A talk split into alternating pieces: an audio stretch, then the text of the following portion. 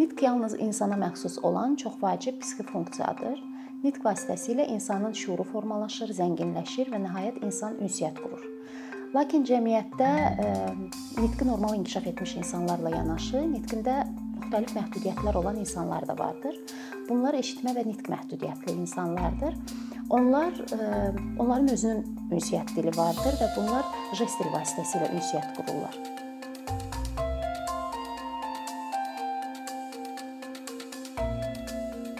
Ümumiyyətlə psixoloqların e, psixoloqlar belə bir fikir irəli sürür ki, insan danışarkən informasiyanın 60%-ni jestlərlə, 40%-ni yalnız sözlərlə ötürür. Bəs jest dili nədir? Jest dili e, eşitmə və nitq məhdudiyyətli insanların ünsiyyət dilidir.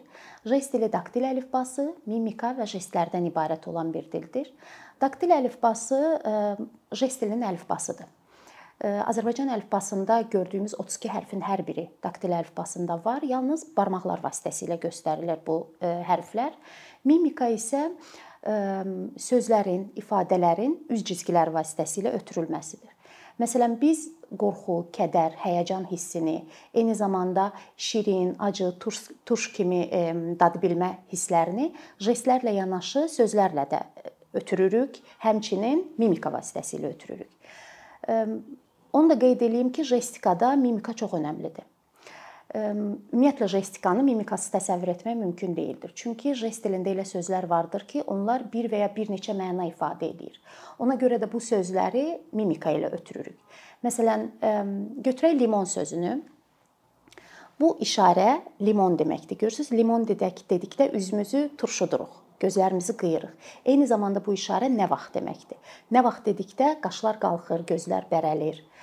Və yaxud da hara Məsələn, bu işarə hara deməkdir? Hara dedikdə yenə də gözlər bərəlir, qaşlar qalxır. Həmçinin şənbə günü deməkdir. Danışıq əsnasında ünsiyyət zamanı bilinir ki, mimikadan bilinir ki, hansı sözdən söhbət gedir. Bayaq qeyd etdim, jest dili daktil əlifbası mimika və jestlərdən ibarətdir. Daktil əlifbası çox əhəmilidir jest dilində. Nəyə görə? Çünki biz hardasa eşitmə məhdudiyyətli bir şəxs gördükdə jest dilini bilmiriksə, amma hələ əlifbanı öyrənirik. Yəni əlifba bütün dillərdə əhəmilidir bilirsiniz. Biz hərfləri bildiyimiz halda eşitmə məhdudiyyətli şəxs gördükdə, əgər biz salamın jestini bilmiriksə, biz onu hərflərlə göstərərək eşitmə məhdudiyyətli şəxslərə bir növ salam vermiş oluruq və o onlarda belə bir xüsusiyyət var. Qarşındakı qarşısındakı insanın gülümsəyərək ona yaxınlaşdığını gördükdə və yaxud da bir dənə heç olmasa bir hərəkət etdiyini gördükdə onlar çox sevinirlər ki, kimsə jest dilini bilir və çalışırlar özləri ona öyrətsinlər. Məsələn, biz daktillə salamı göstərdikdə salam. Onlar dərhal deyəcək ki, yox. Gözlə, məsələn, salamın jesti belədir. Daktillə demək biraz çətindir. Jest dilinin tarixi çox qədimdir. İlk dəfə 16-cı əsrdə İspan rahibi Pedro eşitmə və nitq məhdudiyyətli uşaqlara e, Yunan və Latın dillərində yazmağı, oxumağı və saymağı öyrətmişdi. Fransada DLP adlı bir şəxs jest dilinin tədrisinə iki eşitmə məhdudiyyətli e, qız uşağını öyrətməklə başlamışdı öz evində. O həmin uşaqların bir-biri ilə ünsiyyət qurduğu zaman istifadə etdiyi jestləri təcrübədən keçirtmişdi və ilk dəfə olaraq Parisdə öz evində 1770-ci ildə məhz eşitmə məhdudiyyətli uşaqlar üçün sosial qurumun açılmasına nail olmuşdu. Bu dünyada eşitmə məhdudiyyətli uşaqlar üçün açılmış yeganə qurum idi. 19 ildən sonra 1789-cu ildə həmin bu qurum Milli Təşkilat adını almışdı. Sonralar 18-ci əsrdə Lepenin davamçısı Klerk Amerikaya eşitmə məhdudiyyətli uşaqlara məktəb açılması üçün dəvət olunmuşdu və həmin məktəb ilk dəfə 1817-ci ildə Amerika Birləşmiş Ştatlarının Connecticut ştatında təsis edilmişdi. Bu da yeganə məktəb idi. 1953-cü ildə Ümumdünya Karlar Cəmiyyəti yaradılmışdı və jest dilinin standartlaşdırılması ideyası irəli sürülmüşdü. Həmin standartlaşdırılmaya əsasən bütün tədbirlərdə, konfranslarda digər peşə sahibləri ilə birlikdə eşitmə məhdudiyyətli şəxslər də yer ala bilərdi. Bir müddət sonra Ümumdünya Karlar Cəmiyyəti çox sadələşdirilmiş rest dili lüğətini yaratmışdı. Bayaq qeyd etdiyim kimi Amerika Birləşmiş Ştatlarında məktəbin təsis edilməsindən danışdıq. Ümumiyyətlə Amerika Birləşmiş Ştatlarında rest dilinə eşitmə jest dili aktualdır və eşitmə məhdudiyyətli şəxslərə diqqət çox böyükdür. Və Amerika Birləşmiş Ştatlarında dünyada yeganə ali təhsil müəssisəsi fəaliyyət göstərir. Bu müəssisə Vaşinqtonda Haladet Universitetidir. Həmin universitet Amerika Birləşmiş Ştatlarında dövlət statusu almış yeganə ixtisaslaşmış universitetdir. Universitetdə kar və zəif eşidən tələbələr üçün xüsusi ixtisaslaşmış qruplar var. Həmin universitet eşitmə məhdudiyyətli tələbələrin təhsilində öz pedaqoji uğurları ilə fərqlənən Thomas Haladetin şərəfinə adlandırılmışdı. Universitet rəsmi olaraq iki dildə fəaliyyət göstərir. AMSLIN, yəni Amerikanın jest dili, American Sign Language və xarici dil. Bu demək deyil ki, həmin universitetdə yalnız eşitmə məhdudiyyətli şəxslər təhsil alır. Burada aspirantura fəaliyyət göstərir ki, orada məhdudiyyət danışığında, eşitməsində heç bir məhdudiyyət olmayan insanlar aspiranturaya daxil olub ali təhsil ala bilirlər. İndoneziyada Balinin şimalında Bengqala kəndi yerləşir. Həmin kəndin sakinləri digər kəndlərdən eşitmə məhdudiyyətli sakinlər digər kəndlərdən 15 dəfə çoxdur sayları. Alimlər araşdırmalarına görə belə bir nəticəyə gəlmişlər ki, bu insanlarda genetik pozğunluq nəticəsində əmələ gəlmiş bir şeydir və İndoneziyanın əhalisi artıq öz eşitmə məhdudiyyətli şəxslərə dəstək olmaq üçün jest dilini öyrənməyə başlamışdır və İndoneziyanın özünün jest dili formalaşmışdır. Bu da katakalak adlanır. Eyni zamanda İndoneziyada məhdudiyyətli olan, əlilliyi olan 11 milyon əhalinin 3də biri eşitmə məhdudiyyətli şəxslərdir. Və bunu nəzərə alaraq İndoneziyada sosial bir müəssisə fəaliyyət göstərir. Bu da Finger Talk adlanır. Finger Talk inklüziv İndoneziya yaratmaq üçün fəaliyyətə başlayan sosial bir müəssisədir və bu müəssisədə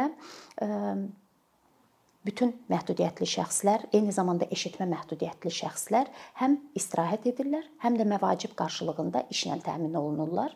Eyni zamanda danışığında heç bir məhdudiyyət olmayan insanlar da həmin kafedən istifadə edir. Təbii ki, burada eşitmə məhdudiyyətlərinin sayı çox olduğu üçün onlar jest dilindən istifadə edərək sifarişlər verirlər və bu da məhdudiyyətlərlə məhdudiyyəti olmayan insanlar arasında qarşılıqlı əlaqəni təmin edir. Bundan əlavə qeyd edə bilərəm ki, Finlandiyanın özünün rəsmi dili olduğu halda Finlandiyada jest dilində, jest dili də rəsmi status alıb və Finlandiyada hər hansı bir ailədə eşitmə məhdudiyyətli uşaq dünyaya gəlirsə, dövlət həmin ailəyə 2 il möhlət verir. 2 il müddətində valideynlər uşaqla ünsiyyət qurmaq üçün jest dilini öyrənməlidirlər və 2 ildən sonra həmin valideynləri test edirlər. Əgər valideyn bu müddət ərzində jest dilini öyrənə bilməyibsə və uşağı ilə ünsiyyət qura bilmirsə, dövlət həmin uşağı öz himayəsinə götürür. Bundan əlavə artıq 2016-cı ildən etibarən Türkiyədə Anlatan Əllər adlı digital okul yəni e, onlayn təhsil platforması fəaliyyət göstərir. Platformada əlillik vəsiqəsi olan hər kəs e, qeydiyyatdan keçə bilir və qeydiyyatdan keçdikdən sonra onlar hətta riyaziyyat təhsili e, videolarına da baxaraq onlayn təhsil almış olurlar. Bütün bu danışıqlarımdan belə bir nəticəyə gəlmək olur ki, hər ölkənin özünə məxsus jest dili vardır bizim istifadə etdiyimiz jest dili 15 postsovet ölkəsində, yəni MDB ölkələrində keçərlidir, xüsusən Rusiya və Ukraynada. Ümumiyyətlə belə deyim, eşit dünyada anadan olan uşaqların 9 nəfərdən biri eşitmə məhdudiyyətli olaraq doğulur. Bu nədən irəli gəlir? Biz bilirik ki, nitq mərkəzi beynin sol yarımkürəsində yerləşir. Ananın hamiləliyinin 2-ci ayında dölün embrional inkişaf dövrü başlayır və həmin dövrdə əgər ana travma yaşayırsa, bu psixoloji travma da olar, ola bilər, fiziki travma da ola bilər və yaxud infeksion xəstəlik keçirirsə, sol beynin sol yarımkürəsi, yəni nitq mərkəzi zədələnir və gələcəkdə anadan olmuş uşağın eşitmə məhdudiyyətli olması daha yüksəkdir. Bir də var sonradan qazanılan eşitmə məhdudiyyətlilik. Bu yaranan xəstəliklər zamanı düzgün müalicə getmədikdə və yaxud da antibiotiklərin təsirindən əmələ gələn bir məhdudiyyətdir. Ümumiyyətlə Azərbaycanda Səhiyyə Nazirliyinin məlumatına əsasən, statistikanın məlumatına əsasən 2020-ci ildə qeydiyyatdan keçənlərin 26353 nəfəri eşitmə pozuntusu problemi ilə Səhiyyə Nazirliyində qeydiyyatdan keçmişdi. Bu da kifayət qədər böyük bir rəqəmdir və Azərbaycanda bu tip eşitmə məhdudiyyətli uşaqlar üçün 2 məktəb, bir bağça fəaliyyət göstərir. Bu məktəblərdən biri 1962-ci ildə təsis edilmişdi. Zəif eşidən və sonradan karlaşmış uşaqlar üçün xüsusi internat məktəbi idi. Hal-hazırda hər iki məktəb sağlamlıq imkanları məhdud uşaqlar üçün 2 və 3 nömrəli xüsusi internat məktəbləridir. Bu məktəblərdə uşaqlar iki şöbədə təhsil alırlar. Birinci şöbədə olan uşaqların eşitməsi nisbətən zəifdir və onlar 10 il oxuyurlar. İkinci şöbədə təhsil alan uşaqların uşaqlar daha ağır eşitmə problemi ilə gəlir. Bunlar 12 il təhsil alır. Amma hər ikisi 9 illik tədris proqramı keçirlər və sonda 9 illik attestatla təmin olunurlar. Mən özüm artıq 20 ildir ki, eşitmə və nitq məhdudiyyətli uşaqlara dərs deyirəm. Bu şəxslər ümumiyyətlə eşitmə məhdudiyyətli şəxslər çox hissiyatlıdırlar. Çox insan deyir ki, aqressivdirlər filan, amma onlar aqressiv deyillər. Sadəcə olaraq onlarla ünsiyyətin necə alınmasına baxırlar. Məsəl üçün biz yolda jest dilində danışan bir bir nəfər görürük. Bu eşitmə məhdudiyyətli də ola bilər, məhdudiyyəti olmayan da ola bilər. Yəni biz də ola bilərik, jest dilində danışa bilərik. Mütləq şəkildə biz həmin e, şəxslərə yaxınlaşıb soruşmalıyıq. Salam və önəmli olan bir şey var ki, biz salamı gülümsəyərək verməliyik, gülərək yox. Salam, sən eşitmə məhdudiyyətlisən. Yəni bu elə bil e, qəbul olunmuş bir qaydadır ki, eşitmə məhdudiyyətli şəxslərə yaxınlaşdıqda bu sualı vermək lazımdır. Salam, sən eşitmə məhdudiyyətlisən? Ya o sizə deyəcək ki, bəli, eşitmə məhdudiyyətliyəm və yaxud da deyəcək ki, yox, danışıram. O zaman növbəti bir sual yaranır. Bəs jest dilini hardan bilirsən? Bu jest dili deməkdir. O da sizə deyəcək, ya eşitmə məhdudiyyətliyəm və yaxud da kurslara gedib gəlmişəm, jest dilini öyrənmişəm və s. və ilaxır. Bayaq qeyd etdim ki, beynəlxalq jest dili yoxdur. Hər ölkənin özünə məxsus jest dili vardır, amma dünyada 3 işarə vardır ki, hansı ki bu işarələr bütün ölkələrdə eynidir. Necə ki, amin sözünü dedikdə, amin sözü e, dinindən, irqindən asılı olmayaraq hər ölkədə keçərlidir. Eyni zamanda bu 3 jest də bütün ölkələrdə keçərlidir. Bunlardan biri səni sevirəm jestidir. Bu e, qızın oğlana, oğlanın qıza e, romantik sevgidən söhbət getmir burada. Bu daha geniş bir sevgidir. Ananın övladına, övladın valideynlərinə olan sevgisi, iki rəfiqənin bir-birinə, dostlar arasında olan sevgidir. Bu işarəni hərəkət etdiririk. Bu səni sevirəm deməkdir.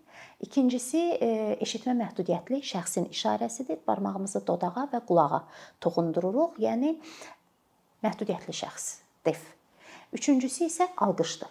Biz bu cür alqış etdiyimiz halda eşitmə məhdudiyyətlərin alqış forması belədir. Və onu da qeyd edim ki, eşitmə məhdudiyyətli şəxslər ümumiyyətlə informasiya qıtlığından əziyyət çəkirlər. Bundan əlavə işsizlikdən əziyyət çəkirlər.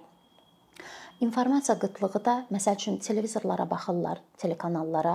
Orda tərcümə olmadığı üçün o məlumatı ala bilmirlər. Ən çox da bu biruzə verdi pandemiya müddətində. Yəni onlar məlumatı ala bilmirdilər.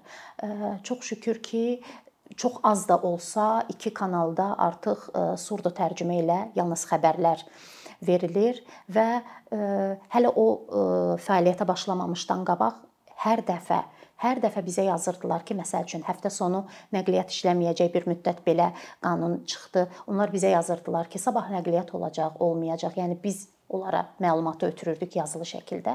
Amma artıq ə, xəbərlər proqramı surda tərcümə ilə təqdim olunduqdan sonra onlar biraz elə bil işləri yüngülləşdi.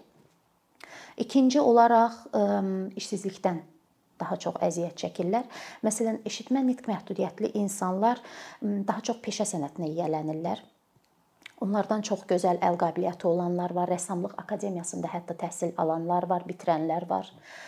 Çox gözəl vayin çəkənlər var aktyorluq qabiliyyəti olanlar var. Məsəl üçün hal-hazırda bir qrup gənclə biz Azərbaycan Film Akademiyasında aktyorluq kursları keçirik ki, onlar tamaşalara hazırlaşsınlar və yaxın zamanda pantomim tamaşa qurulacaq onlarla. Davamında filmlər çəkiləcək, eşit sırf eşitmə məhdudiyyətli şəxslər üçün. Dərzilik bacarırlar, aşpazlıq. Oğlanları bərbər, maşın avto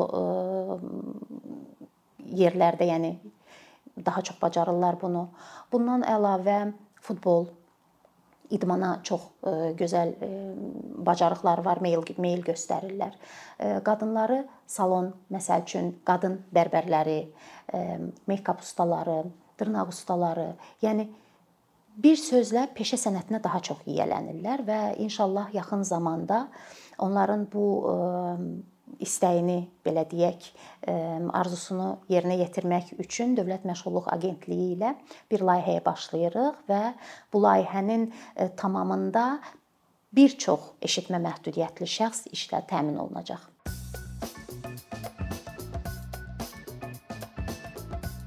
Bir neçə ildir ki, əkinçi olaraq azərbaycanlı izləyicilərin hər zaman faydalana biləcəyi keyfiyyətli və ən əsas ödənişsiz kontent hazırlamağa çalışırıq. İndiyədək təqdim etdiyimiz onlarla animasiya və yüzlərlə çəkilişlər tələbələrin, mütəxəssislərin, müəllimlərin və ümumiyyətlə yeni mövzulardan xəbərdar olmaq istəyən çox sayda insanın marağına səbəb olub.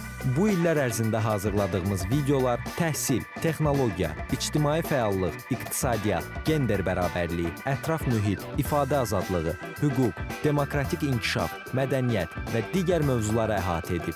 Məqsədimiz çoxlu baxış gətirən deyil, çoxlu fayda gətirən videolar hazırlamaqdır. Amma bu düşündüyümüz qədər asan deyilmiş. Gördüyümüz iş kifayət qədər resurs, əmək və təbii ki, davamlılıq tələb edir. Bu səbəbdən Patreon platformasından istifadəyə başladıq. Əkinçinin Patreon hesabının populyarlaşmasına çox böyük ümidlərimiz və gözləntilərimiz var. Bəziləriniz Patreon haqqında ilk dəfə eşidirsiniz. Əslində çox sadə izahı olan bir platformadır. Təsəvvür edin ki, siz rəssam və ya musiqiçisiniz. Sosial şəbəkələrdə sizi izləyən, işinizi bəyənən çox sayda insan var. Patreon platforması sizə imkan verir ki, izləyicilərinizin könüllü aylıq ödənişləri sayəsində işinizi davam etdirəsiniz. Sərgi, konsert zallarından asılı qalmayasınız. Amma bu təkcə rəssam və musiqiçilərə aid deyil. Məsələn, əkinçiyə bənzər fəaliyyətlə məşğul olan bəzi layihələrin 10 minlərlə patronu var. Biz də düşündük ki, nə üçün əkinçinin Patreon hesabı olmasın? Sizin dəstəyiniz sayəsində sayəsində biz daha çox və daha keyfiyyətli kontent yaratmağa davam edə biləcəyik. Amma bu dəstək yalnız maddi dəstək deyil. Dəstəkçilərimizin sayının artması gördüyümüz işlərin faydalı olduğuna dair əminlik verir. Patreon platformasından istifadə çox sadədir. Hesabınızı açırsınız, sizə uyğun dəstək növünü seçirsiniz və Patreon özü hər ayın ilk günü kartınızdan seçdiyiniz dəstək növünə uyğun ödəniş tutur. Bu qədər. Sonda onu demək istəyirik ki, dəstəkçilərin sırasına qoşulmaq istəyən, amma məhdud imkana görə bunu edə bilməyənlər narahat olmasın.